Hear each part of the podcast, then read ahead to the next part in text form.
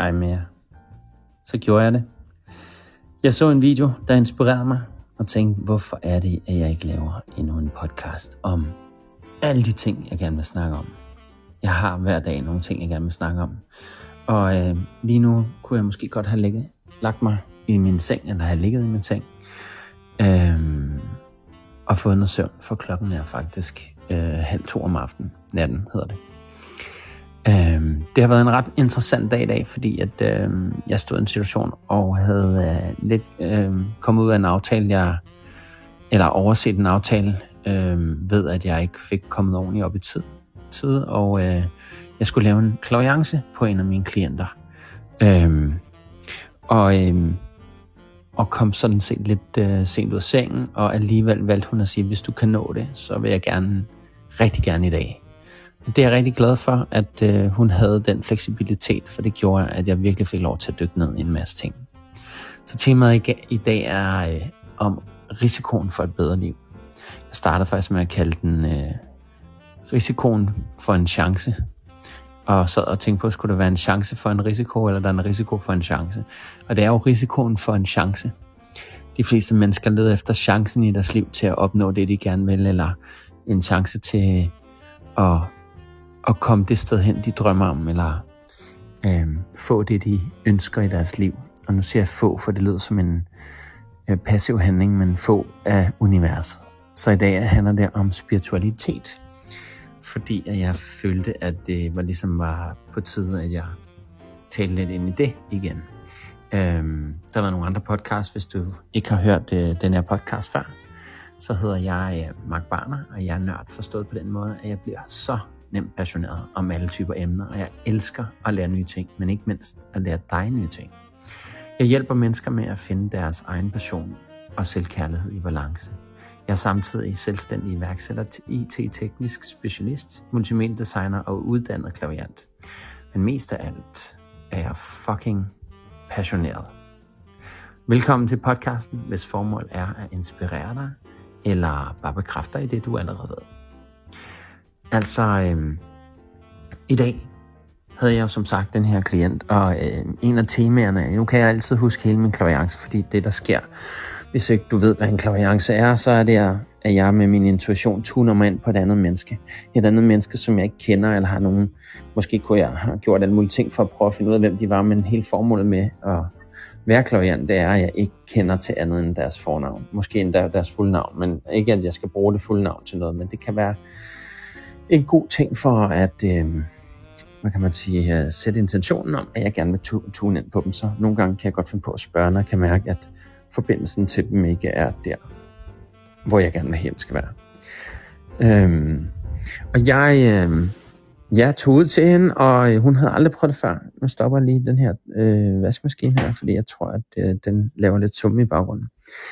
Jeg tog ud til hende, og, øh, og hun havde ikke prøvet det før, som sagt, og jeg, øh, gjorde alt, hvad jeg kunne for at sørge for, at hun øh, følte sig på plads og i ro. Og, øh, og så begyndte jeg ellers at tune ind. Og når jeg tuner ind, så er det noget, jeg selvfølgelig er uddannet i, men det er også noget, alle mennesker kan gøre, hvis de har en god intuition. Så kan man altså øh, træne sig i det.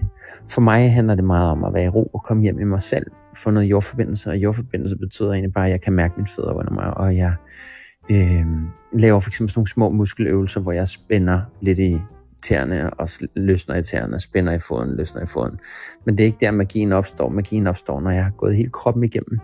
Så ligesom mærke min egen krop og mærke, hvor jeg er henne. Og så på den måde øh, begynder jeg at lave nogle ritualer, jeg har. Blandt andet så bruger jeg chakrafarverne. Og det lyder sådan måske lidt, øh, øh, hvad ved jeg, spøjst for nogen. Men, øh, men det er sådan, jeg arbejder. Og øh, og så øh, visualiserer jeg blandt andet noget, hvor jeg maler det rum, jeg sidder i, øh, helt gult, for den gule farve hjælper enormt meget på øh, den, øh, en, øh, hvad kan man sige, den empatiske evne til at, at mærke andre folk og tune ind den farve, man bruger allermest i klaviancer, øh, når jeg laver det i hvert fald. Og øh, ja, så gik jeg alle de her ting igennem, og øhm, så hører jeg et specielt musiknummer, jeg er blevet på, under min uddannelse som klaviant for en del år siden efterhånden. Øhm, der var et stykke musik, som jeg altid brugte, og øh, det brugte jeg så også i dag. Og, øhm, og det var lidt en, sådan en øh, sjov situation, for jeg kører jo øh, et, et, en cirka en time for at komme hen til hende.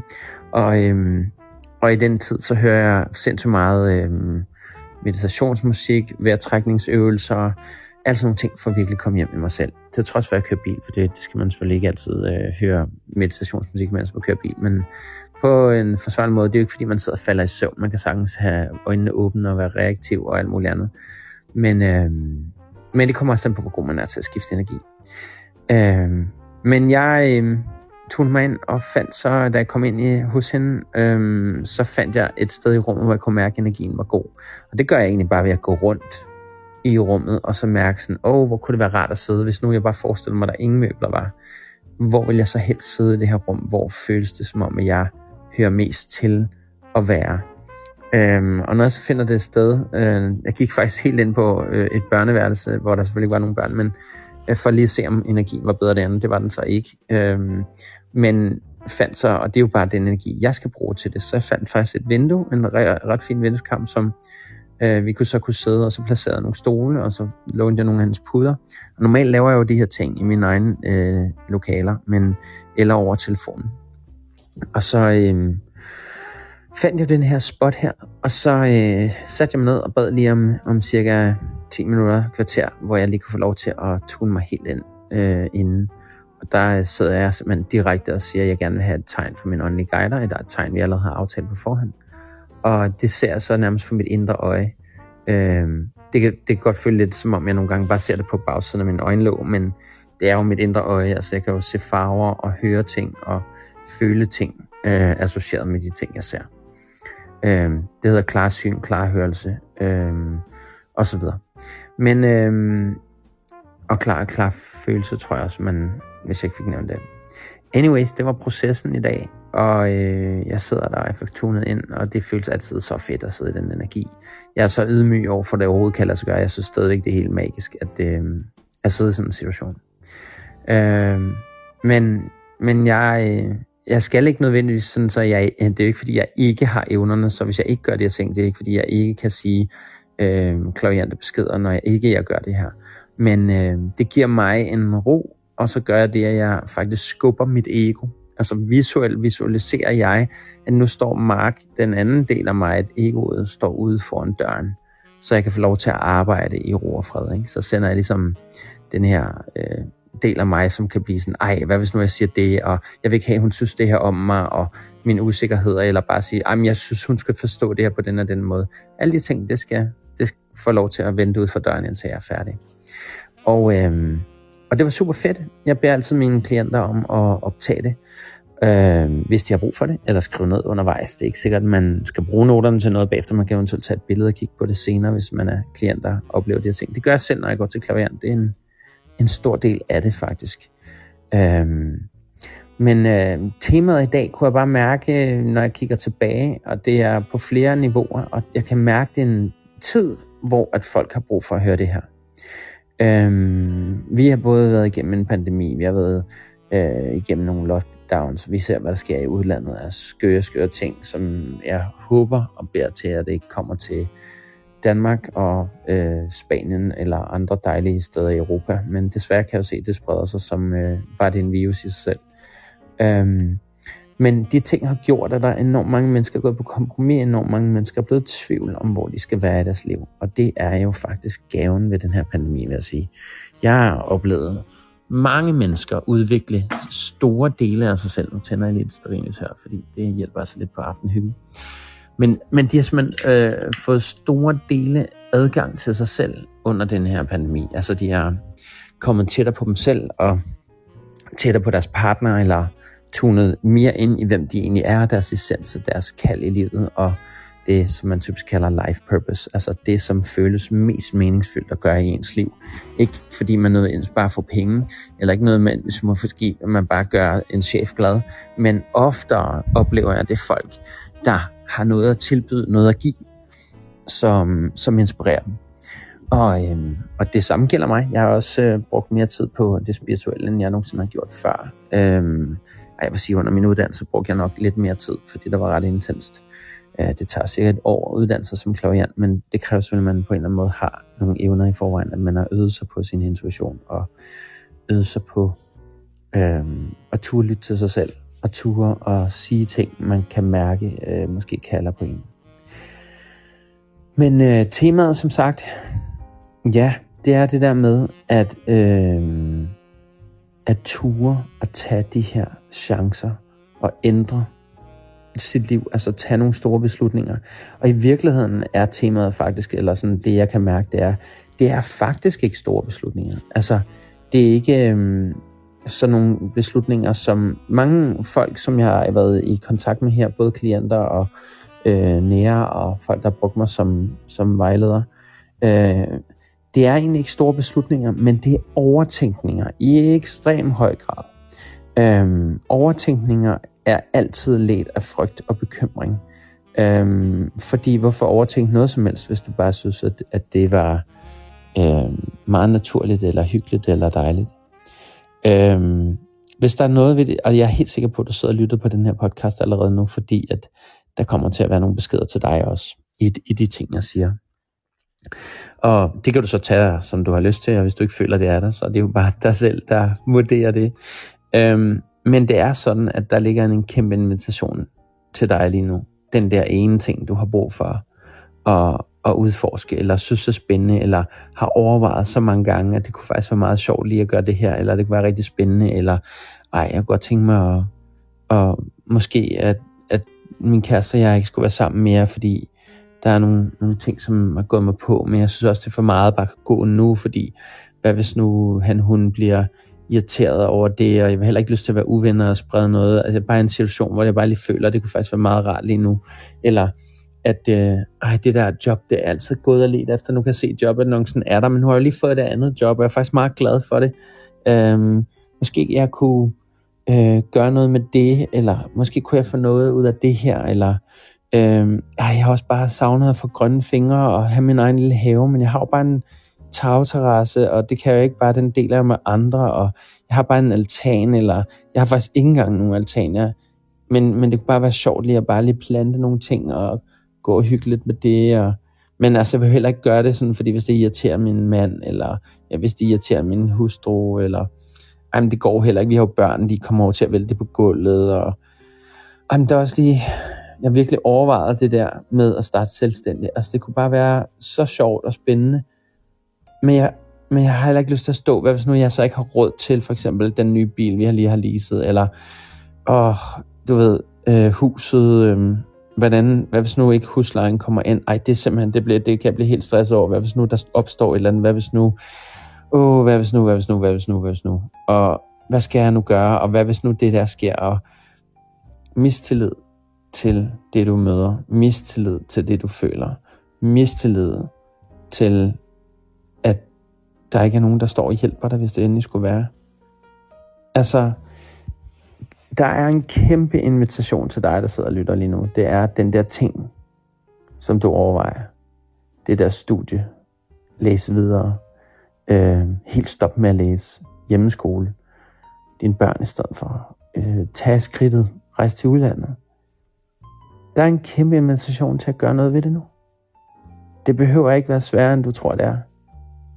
Og det værste, du kan gøre i dit liv, det er at gå rundt og drømme om ting, du aldrig gjorde noget ved. Jeg lover dig, at du kommer til at fortryde det, når du ligger på dine gamle dage, forhåbentlig, og ligger der og tænker, ej, hvorfor gjorde jeg egentlig ikke det? Det kunne sgu have været meget sjovt. Altså. Men så var der jo også lige den situation, og så sagde børnene jo også, og, ah, men jeg skal jo heller ikke lige, uh, det var også, ville også have været egoistisk, og hvad er egoistisk i at følge dine drømme? Hvis det er dine drømme, så det er jo også dit liv. Du er her lige nu med det her ene liv. Jeg skal nok øh, huske dig på, at du nok skal komme tilbage i et andet liv. Men det er ikke sikkert, at du skal opleve de samme ting. Så hvis du skal prøve alle tivolier i verden, for hvert liv, der er, er der en, øh, er, er repræsenteret et tivoli. Hvorfor så ikke prøve alle karusellerne, alle rutsjebaner? Det kan godt være, når du så har prøvet syv af rutsjebanerne, du ikke behøver at prøve de ni andre fordi nu har du prøvet rutsjebaner. Det er også okay. Men hvad er det, der gør, der holder dig tilbage? Hvorfor er du så bekymret for, hvad hvis nu det går galt? Jeg lover dig, at der er så mange ting i dit liv, der kommer til at gå galt. Masser af ting. Heldigvis. Hvordan skulle du ellers nogensinde have lært at kunne gå?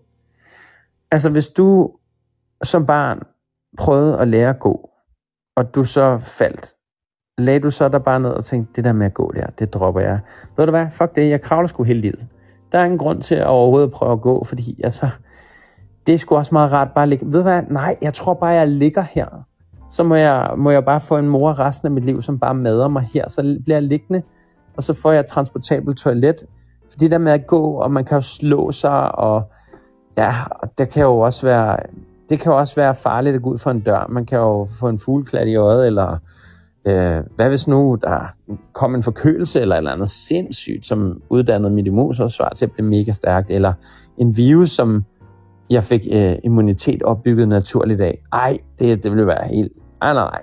Jeg blev bare liggende her på det her gulv her, fra nu her, fra jeg er, er næsten et år, og, øhm, og til evig tid. Jeg tror ikke, det er sådan, du lærte noget som helst, du er god til i dit liv. Jeg tror ikke på, at du lærte ting i dit liv ved ikke at begå fejl.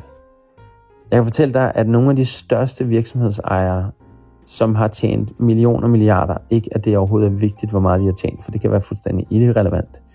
Om de har hjulpet en million og milliarder mennesker, havde måske været mere fantastisk.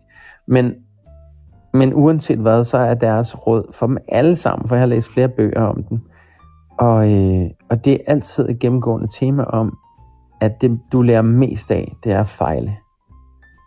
Gennem smerte lærer vi aller, allermest. Og det står også på min Instagram-profil, at smerte er vores største lærermester. Så har du haft nogle hårde forældre, der har pisset dig, eller ikke lyttet til dig, eller ikke været der, eller noget andet, så ligger der også nogle traumer i det, som nogle gange kan være med til at holde os tilbage i en gammel offerrolle, eller en, noget, der er bange for at ikke at blive grebet, eller hvad hvis nu folk ikke kan lide mig, hvis jeg tager de her store spring? Hvad hvis nu jeg fejler? Hvad hvis nu, at jeg skal gå for hus og hjem? Men ved du hvad? Hvis du følger dine drømme, så vil det altid være det værd. Og hvis din drømme er urealistisk, så lover jeg, at du finder ud af det undervejs, men formentlig er det ikke det. Og det bedste ved at følge ens drømme, det er, at de også udvikler sig, ligesom du gør. Så når du har begået en fejl og tænker, jeg vil gerne flyve, og nu så hopper ud for taget syv gange og fundet ud af, det brækker man altså benene af, og så skal man gå og vente i gips. Men så har du da lært det, så du ved, at det er i hvert fald ikke den strategi, du skal bruge. Men håbet og passionen for at gøre det, den er ikke værd at smide ud. Vær nu fucking passioneret for en gang skyld. Lad dig nu få den her passion ind i dit liv og gå efter det, du gerne vil. Livet bliver så trættende af at vælge den sikre vej. Jeg lover dig, at den trygge, sikre vej kommer ikke til at hjælpe dig på lang sigt. Det kan godt være, at øh, du ikke var den første, der hoppede ud på tømmerfloden, der ikke kunne, der ikke kunne øh, flyde, og du endte med at blive våd og falde i vandet, og øh, du måtte svømme hele vejen ind til bredden igen. Men jeg lover dig også, at næste gang du bygger en tømmerflåde, så bliver den bare lige det bedre. Eller også så bliver den lige det mere elendig, før du lærer, at den skal blive bedre. Det vigtigste, jeg har lært omkring øh, universet, når det kommer til at følge sin passion, det er at sætte intentionen om, at man gerne vil en vej i livet. Altså vidderligt beslutte sig, nu gør jeg det her. Det er ikke det der med, ah, men øh, jeg vil gerne stoppe med at ryge. Til at starte med, så hedder det jo heller ikke stoppe med at ryge. Det hedder starte med at trække vejret på den sunde måde. Øhm, og leve et, et røgfrit liv. Det lyder sgu dejligt, ikke? Øhm, hvis det er det, du vil, så, så nytter det ikke noget, at altså, så siger folk sådan om nedtrapning. Ja, det er rigtigt, men, men det kommer an på, hvordan du nedtrapper. Og hvis du har gjort det før og er fejlet i det, hvorfor bliver du så ved med at gøre det? Hvis din nedtrapning af tidligere ikke har virket, hvorfor tror du så stadig på, at det skal hjælpe dig? Hvis det er medicin, du vil af, eller om det er øh, noget andet, så skal man altid rådspørge. Selvfølgelig, der kan være nogle medicinpræparater, som gør, at, at det er svært at stoppe med det samme. Ligesom rygning kan være svært at stoppe med det samme. Men hvem har sagt, at det ikke skulle være svært? Sagde jeg ikke lige, at man godt må lære igennem smerte? Det er okay at lide. Det er okay at have det pisse hårdt. Det er okay alle de ting. Det værste ved det er, hvis du sætter dig og har ondt af dig selv fra nu af til juleaften, fordi at det er hårdt for dig. Ved du hvad? Vi kæmper sgu alle sammen med noget, der er hårdt. Det er okay. Du må også gerne sætte dig ned og græde. Der er masser af omsorg for dig. Jeg kan godt forstå, det svært. Jeg kan godt forstå, at det er en udfordring, og det er ikke bare lige til, og det er ikke nemt. Men du skal også vide, for hver gang du siger de ting, så er det bare dig, der prøver at opbygge en væg og en mur omkring dig selv, til at være endnu mere fanget i, hvorfor du ikke kommer tættere på din drømme. Det er derfor, at der er en risiko for at tage en chance. Der er en risiko for et bedre liv, hvis du tager chancen. Chancen ligger kun derude til dem, der løber risikoen. Hvis du skal løbe en maratonløb, så er der en kæmpe risiko for, at du ikke gennemfører det. Der er en kæmpe risiko for, at du bliver en af de sidste. Der er en kæmpe risiko for, at du undervejs falder øh, om af tørst. Der er en kæmpe risiko for, at du fejler. Men der er en kæmpe chance for, at du gennemfører det, og beviser, at alle de her risici, der har været undervejs, ikke rørte dig, og ikke var så slemme, men at din forventningsangst for dem var meget større og værre, end, de, end du troede. Prøv at forventningsangst kommer af overtænkning. Overtænkning booster en forventningsangst. Så når du allerede tænker de ting, jeg kan fortælle dig en af, en af de øh, tips, som jeg øh, har brugt meget for mig selv, det er, øh, at man tæller ned. Jeg plejer at tælle ned fra 10, og så gjorde jeg noget. Nu har jeg så fundet ud af, at der er en coach for nogle år siden, fandt ud af, at der hedder hun, Mel Robbins, tror jeg hun hedder, øh, som gør det samme. Og hun kom ud af sin depression på den måde. Og det sjove er, en af de, en af de tidspunkter, jeg har lært det her omkring at, at tælle mig ud af det, det var faktisk fordi, at øh, jeg selv havde en depression.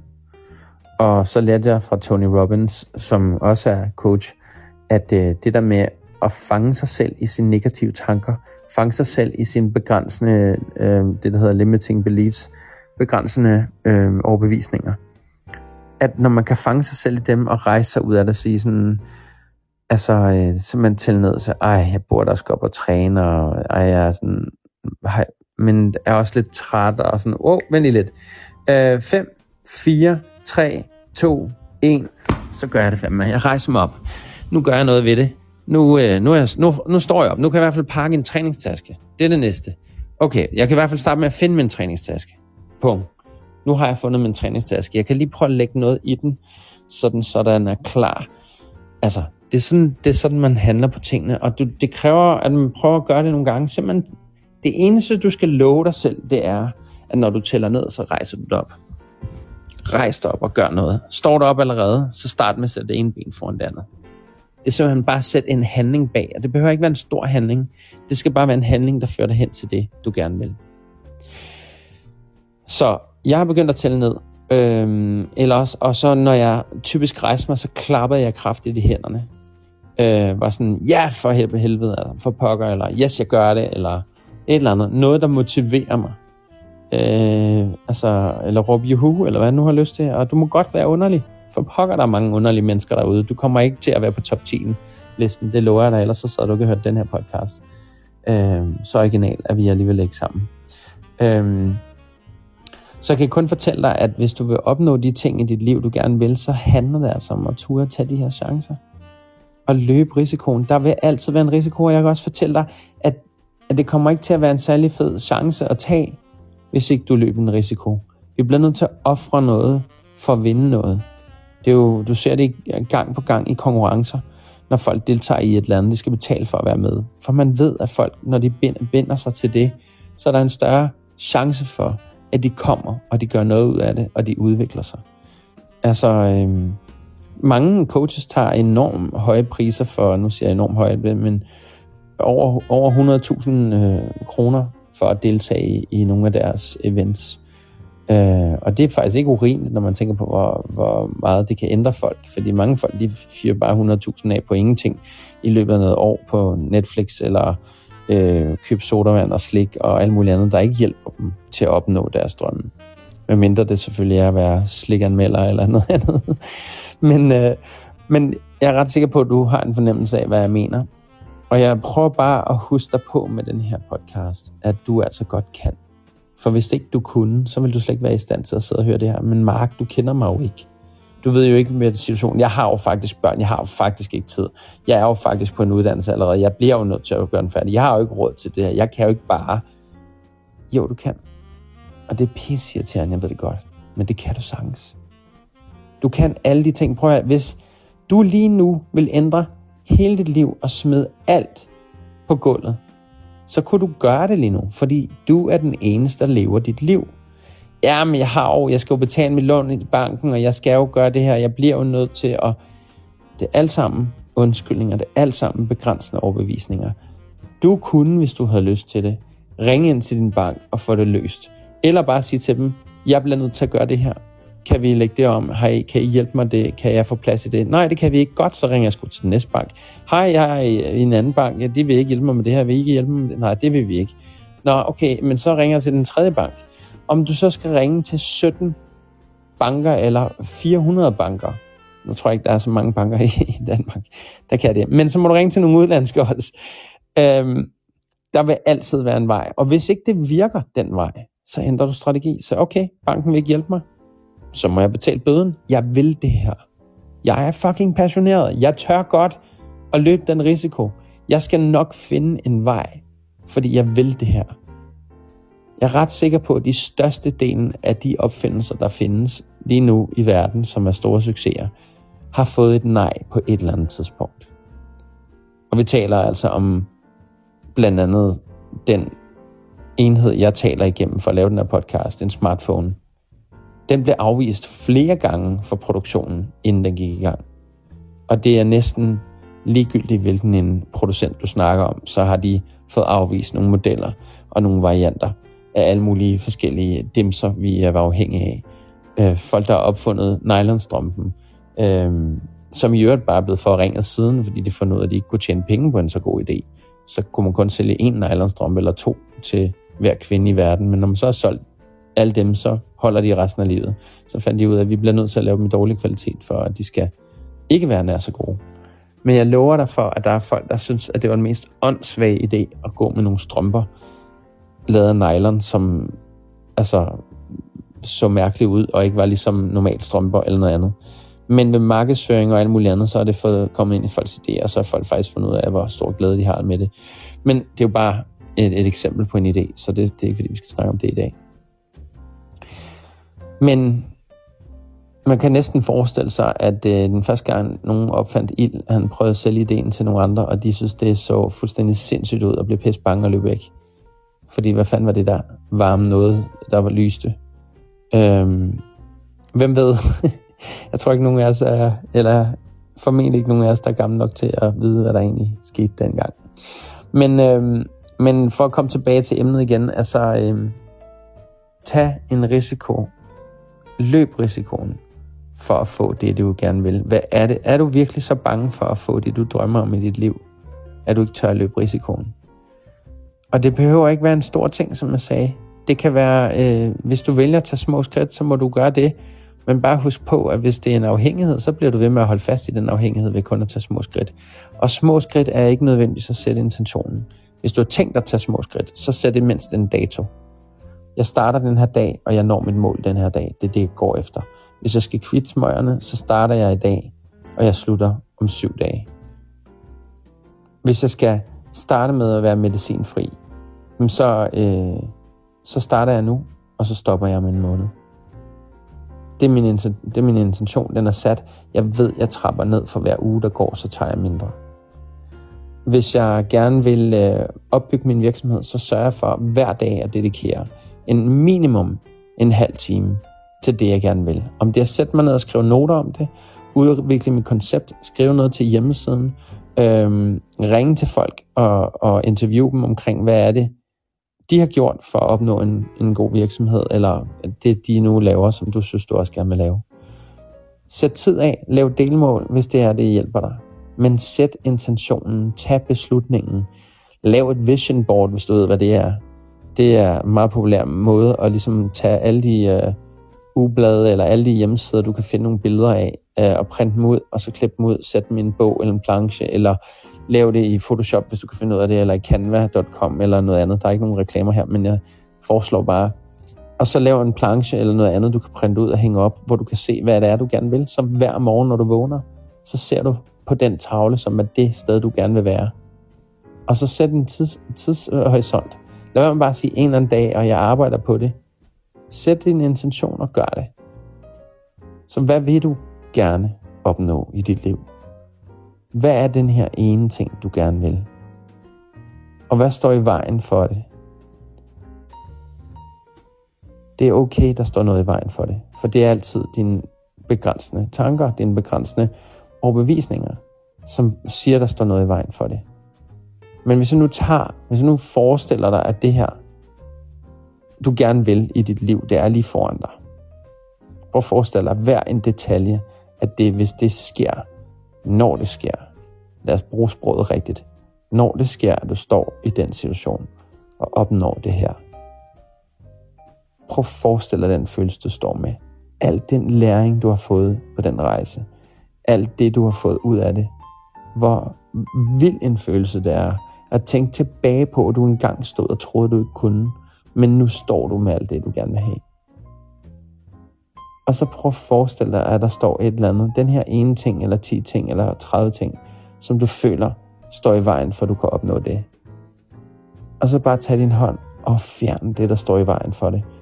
Simpelthen vælg det væk. Lad det synke ned i sanden, lad det smelte, lad det blive til ingenting, og så igen kig på det, du gerne vil. Og vide, at det kan lade sig gøre. Og det er ikke nødvendigvis en eller anden magisk øh, ting, som sker, nu kan du bare gøre det. Men mindre du føler det. Men jeg prøver bare at fortælle dig, at alt det, du tror, der stopper dig på din vej, er faktisk dig, der stopper dig. Ej, men det er det jo ikke, Mark. Jeg er jo ikke, øh, jeg er jo ikke øh, 30 endnu. Jeg kan jo ikke gøre de ting, jeg gerne vil. Altså, jeg er jo ikke blevet 18 endnu. Jeg kan jo ikke køre den bil, som jeg gerne vil. Det kan du sagtens. Hvad er det, der stopper dig, hvis du gerne vil ud og køre en bil lige nu, og du ikke er 18 år? Kan du så ikke gå ud på en kørebane og køre en bil? Ah, men jeg vil jo gerne have et job som chauffør. Kan du begynde at studere til at være en chauffør lige nu? Kan du begynde at studere til, hvordan undersøge alt, hvad du kan? YouTube det, øh, Google det, eller søg på andre steder på søgemaskiner. Øhm, gå på biblioteket, læs bøger om det, undersøg det. Research så meget du kan. Tal med mennesker, der gør det, du gerne vil. Interview dem. Lav en podcast, hvor du interviewer de mennesker, som du gerne vil være ligesom. Hvis det er, at det er sådan en drøm, du har. Hvis du tror, der står noget i vejen for dig, hvis det er fordi, at Mark, hvis jeg ikke gør det, så bliver jeg angst. Hvis jeg ikke tager den her medicin, eller hvis jeg ikke går i den her terapi, så, så bliver jeg angst, så kan jeg ikke. Så bliver angst. Hvis din værste frygt er at blive angst og være i angst, så vær i det. For hvis du bliver, perf- hvis du bliver professionel i at være i angst, så er du ikke længere noget at være angst for. Så kommer din angst nok bare være til at være, hvad hvis nu jeg kommer til at have det godt af det her bagefter? Hvad hvis nu jeg ikke kan støtte mig op af min angst? Hvad hvis nu jeg ikke kan bruge den her undskyldning mere? Jeg tror på dig. Det er derfor, jeg laver den her podcast. Jeg tror på, at du kan det her. Og jeg er slet ikke i tvivl om det. Hvis det er lavet til, at det her ligger til dig, og det her skal lykkes for dig, så kommer det også til at ske. Det er dine begrænsninger, der sætter en stopper for det. Hvis du bliver ved med at sige, at jeg ikke kan, så tiltrækker du bare mere af det. Du træder simpelthen ind i en frekvens. Universel er der en frekvens på alting, de ord, jeg siger. Min person.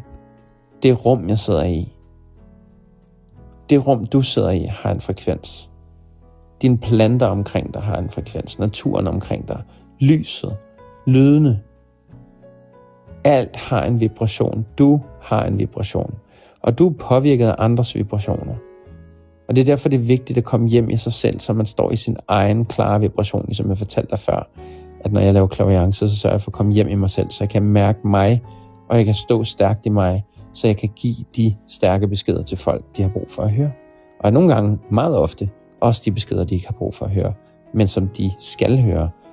Nu siger jeg skal.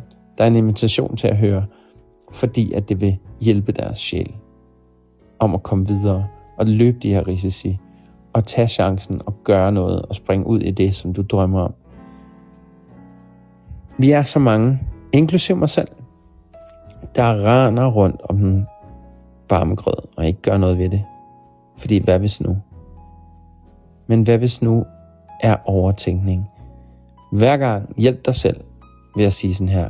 Når du lægger mærke til, at du tænker noget, og du bekymrer dig noget, så siger du det højt. Jeg overtænker. Bare sæt en label på den. Du behøver ikke dømme dig. Det er ikke forkert at overtænke. bare sæt en label på, så du er klar over at gøre bevidsthed omkring for alle de gange, du overtænker. Og så prøv at se, om du kan gå tilbage til den hjertefølelse, der var til at starte med, som var lidt af, at du egentlig godt kunne tænke dig en ting i dit liv. At du savnede noget i dit liv, eller noget, du synes, der var spændende, eller noget, du blev motiveret af, eller noget, du gerne vil vide mere om. Noget, du gerne vil prøve, men du tør ikke endnu, for hvad hvis nu? Find ud af og allier dig med nogen, som vil støtte dig i at gøre de her ting. Og hvis du ikke kan finde dem, så led længere tid. Måske er du den, der skal tage det første spring, så andre mennesker vil kigge på dig og sige, wow, jeg så, hvor hårdt det var for dig at tage det her spring. Jeg tror ikke, du kunne det. Men nu står du der på den anden side af det, og har lige præcis det, du har drømt om. Du inspirerer mig, og vil jeg ønske, at jeg kunne gøre ligesom dig, og du kan stå der og sige til dem, det kan du sagtens. Jeg vil gerne hjælpe dig, hvis der er. Og mange folk, de har sådan, at jeg kan jo ikke tjene penge på det der, og det kan man jo ikke, og sådan nogle ting. Prøv at høre, det er kun fordi, du ikke har trådt ind i det. Du kan tjene penge på alt i den her verden. Især nu. Folk vil gerne lytte til eksperter, eller folk med erfaring, eller noget andet. Der er masser af folk, der sidder derude og giver råd, som aldrig har prøvet noget af de ting før. Altså, det, det er okay at have de her begrænsende tanker, men bare vær klar over, at det er begrænsende tanker. Sæt en label på dem, så du ved, hvad det er. For det er altså ikke virkeligheden, at du sidder og overtænker ting. Det er din bekymring. Det er din sutteklod, at du sidder og siger de ting om dig selv, at du ikke er god nok, og du ikke kan, og det, det vil jeg aldrig kunne, eller det kan jeg ikke finde ud af, og alt muligt andet. Husk, at det kræver kun 10.000 timer at blive ekspert i noget. De fleste folk er ret så dygtige til det, inden de nåede på de 10.000 timer. Men 10.000 timer, hvad jeg sidst regnede ud, var sådan omkring en 2-3 år. Så hvis du virkelig, virkelig øver dig, så bliver du en af verdens bedste, eller Danmarks bedste, eller byens bedste. Det er lige meget, hvad du stræber efter. Men bruger du nok timer på at øve dig og researche et emne, så bliver du også god til det. Men at sidde og bare drømme om det og intet gøre, det skader kun din sjæl. Det skader kun dig på et senere tidspunkt, for du bliver ved med at slå dig selv oven i hovedet. Og jeg kan kun fortælle dig, at tiden er inde nu. Timingen er perfekt for at komme i gang med de her ting. Det er nu, der bliver kaldt på, at du træder ind i dit autentiske jeg, og du tør at træde frem i, at du har nogle drømme og nogle ønsker i dit liv, du gerne vil hen til. Få dem udforsket. Afprøv dem. Fejl, hvis du vil. Det er okay. Rejs dig igen. Som barnet, der skulle lære at gå. Man rejser sig igen, når man falder, for ellers bliver man aldrig god til at gå. En af grunden til, at jeg lærte snowboard så hurtigt, det var da, fordi jeg skvattede så meget og slog mig så meget. Jeg tænkte, hver gang jeg var ved at falde, tænkte jeg, jeg skal dele mig ikke falde på det her igen. Det gør jeg med min as. Det var en kæmpe motivator.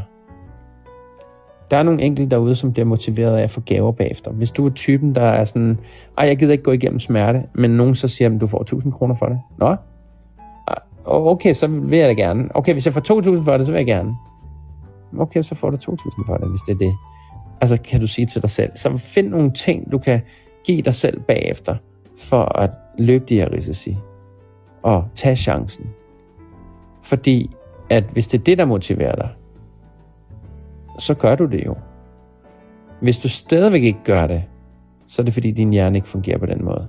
Så er det fordi, din frygt får lov til at vinde og husk på, at den eneste grund til, at du har de her begrænsende tanker, og den eneste grund til, at du har den her frygt, det er fordi, den har hjulpet dig før. Og det er jo fantastisk.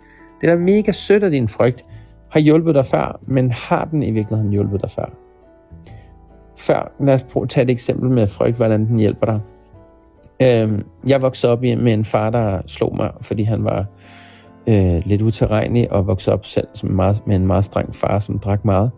Øh, så min farfar, han havde ikke givet min far en specielt god opdragelse, og, eller en specielt kærlig opdragelse måske. Øhm, så han øh, opdragede min far strengt, og min far opdragede mig strengt. Det gjorde, at øh, min far ikke selv ville se sin egen far, og ikke invitere ham med til sit bryllup. Han sagde, jeg bliver aldrig ligesom ham. Og alligevel, så opførte han sig sådan over for mig også, med at være aggressiv, voldelig og alt muligt andet. Min motivation og, og undskyldningen for ikke at komme hjem, det var at prøve at finde ud af, hvor blandt andet sådan, jeg udviklede mine evner, og prøve at finde ud af, hvordan jeg kan undgå de her bank. Og nej, hvor blev jeg bare motiveret til at gøre alle mulige andre ting. for at undgå at komme hjem. Nu var det ikke sådan de steder bank, men det var inden fuld af lusinger, øh, eller en, en eller anden form for tyrannisering, hvor han ødelagde noget for mig, eller låste mig inden, eller sådan noget for at straffe mig. Øhm, og, og de her måder, han gjorde det på, motiverede mig til at gøre en masse ting. Men nogle gange sagde han også, at hvis du, gør, hvis du slår græsset, så får du 100 kroner. Det bliver jeg absolut motiveret af. Meget mere end straffen. For straffen lærte jeg aldrig at forstå, hvorfor han agerede så voldsomt på noget, som virkede så øh, som en lille ting. Som i, for eksempel, hvis jeg ikke kunne spise op, så ville han jagte mig hele vejen op. Og det var ikke engang mig, der havde øst op, men så han ville jagte mig hele vejen op på mit værelse. Og så råbe af mig, eventuelt give mig en endefuld, og så vil han låse mig inde til næste morgen. Øhm, og det, jeg siger ikke de her historier for at, at skulle få, øh, uh, høre, at du skal høre, hvor, hvor offerrolle og yndelig jeg er. Men, men da han begyndte at give mig ting for, at jeg kunne udrette noget, så blev jeg sindssygt motiveret af det. Så øhm, ja, nu ved jeg ikke, om jeg kommer lidt fra emnet, men, men det er noget med at prøve at finde sin egen motivation og, øh, og komme ud af sin offerrolle omkring det og sige, ah, at jeg kan jo ikke finde ud af det, og jeg kan også sige til mig selv, ah, at jeg, jeg, øh, kan, jeg kan ikke de her, de her ting her, fordi jeg er ikke god nok, og jeg kan jo ikke, jeg kan jo ikke få folk til at lytte til mig på den her podcast, fordi altså, folk kan jo ikke lide mig, eller øh, alt muligt andet. Men så taler alligevel. Om der så er en person derude, der ikke kan lide dig, men ender med at sidde og lytte til det hele, så må du alligevel kunne tale om et eller andet, der har været relevant eller spændende om du øh, poster noget på Instagram om dig selv personligt, og som du tænker, ej, det kan jeg ikke dele, fordi det er alt for ærligt og åbent. For hvad hvis folk dømmer dig? Så kan jeg godt øh, give dig en lille overraskelse, det er, at folk dømmer dig alligevel. Folk dømmer dig for ikke at lægge noget ud. Hvorfor lægger hun aldrig noget ud? Hvorfor lægger han aldrig noget ud? Det var da kedeligt, og kæft en kedelig profil, det har. Altså, det, prøv at vise noget af dig selv, eller ej, hvor er de fake, selvom du har været ærlig. Der vil altid være nogen, der dømmer dig. Der vil altid være nogen, der, der synes, at du skulle gøre det på en anden måde. Der vil altid være nogen andre, der synes, at de kunne gøre det bedre end dig. Så gå ud og vis verden, hvor du står, så du kan hjælpe alle de andre mennesker. Helt automatisk ved bare at være dig. Og det er faktisk sådan, universet hænger sammen. Hvis du er dig autentisk allermest, og viser dit sande jeg, ikke det, der er drevet dit ego, det du sådan følt fra hjertet, kan mærke rigtigt for dig, så vil der være flere mennesker, der tiltrækkes til at kigge på dig. Også selvom de står og dømmer. For du skal huske på, at det der med at trigge andre mennesker i, at de får nogle traumer, eller bliver irriteret på dig, irritable eller generet af, at du er så meget dig, som du er. Det er bare dem selv, der har en skam, frustration eller noget andet over, at de ikke er ligesom dig, eller hvis de var ligesom dig, så ville de have det så stramt over at gøre det offentligt og være så pinligt. Du, du vil se hvor mange mennesker, hvis du gik nøgen igennem København, du ser, hvor mange mennesker, der holdt som munden, var sådan, oh my god, ej, de er helt nøgne. Det er kun et billede af dem selv, fordi det er jo ikke dem, der er nøgen. Hvorfor reagerer de så så voldsomt på det? Fordi de lever sig ind i det empatisk. Hvad hvis det var mig, der gjorde det? Gud, var det sindssygt. Eller Gud, var det modigt. Eller ej, var det, var det ubehageligt. Det er lige meget, hvad det er, så det er dem selv, der projicerer en eller anden følelse over på dig, og så giver de sig selv en følelse ud fra det. Så i sidste ende, du har ikke noget at miste på det, og det du tror, du mister på det, vil du overraskes over. Ikke det kun er det, du mister. Hvis du mister venner på at være dig allermest, så er det måske heller ikke de venner, der skal være i dit liv. Kom over på den frekvens, som du gerne vil være på. Kom over og sving på den frekvens, som du ønsker at være. Omgiv dig med mennesker. Studer, research, hvad ved jeg, eller bare gør begå nogle fejl. Det er fint. Måske. Og det værste er, tænk, hvis du lykkedes. Hvad skal du så gøre? Så lever du lige pludselig dine drømme. Ej, shit. Prøv lige at overveje det. Tænk, hvis du lige præcis levede din drømme lige nu, og fik alt det, du gerne vil. Det ville være ulideligt, ikke? Eller vil det? Vil det bare være mega vildt fantastisk? Jeg håber det i hvert fald for dig, og jeg tror på dig, som jeg har sagt før. Altså, jeg håber det her, om ikke andet, var en lille opvågning til dig, der sidder derude og tvivler på, at du kunne, fordi jeg ved, du kan, og jeg ved, tiden er til det. Jeg kan mærke, at jeg er kaldt til at snakke om de her ting, og det er simpelthen et tema, der er gennemgående. Det handler om at ture og give slip på sin sutteklod, give slip på sine undskyldninger, Og sætte intentionen, lave aftalen med sig selv og holde den. Find ud af, hvad der motiverer dig. Er det gaver, eller er det straf? Skal du straffes, hvis du ikke gør det, eller skal du have en gave, hvis du består? Find ud af, hvad det er. Når du ved det, så ved du mere om dig selv, og så ved du, hvordan du motiverer dig selv bedre. Og det vil hjælpe dig i din proces at finde ud af. Jeg vil gerne tale meget mere ind i det her en anden dag, hvis du synes, at, øh, at det er noget, du kunne bruge. Og øh, ja, der måske kan inspirere dig. Øh, lad os gøre det. Lad os sætte nogle intentioner. Lad os, lad os øh, udleve vores drømme. Lad os øh, tage rejsen, vælge jobbet, øh, sige op, øh, spørge ham, der den smukke derovre, den søde, den handsome, øh, om han var på date, eller spørge hende der, den smukke, du altid har tænkt på, på den anden side af kontoret, men ikke turde spørge endnu. Øh, gå efter det, du gerne vil. Vær lidt fucking passioneret, for det fortjener du. Og lyt til det, fordi der er en grund til, at det er i dig. Jeg krydser i hvert fald fingre for dig.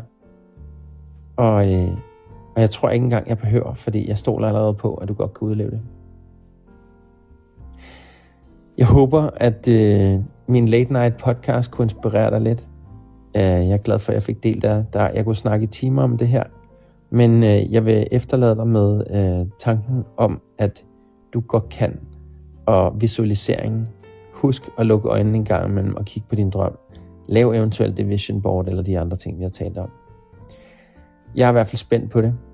Hvis du vil høre mere og flere afsnit af den her podcast, fucking passioneret, øh, og høre mig tale om nogle andre ting, eller mere af det samme, så øh, har jeg mange emner på tapetet, og øh, du kan finde mig på YouTube, på øh, Mark Barner.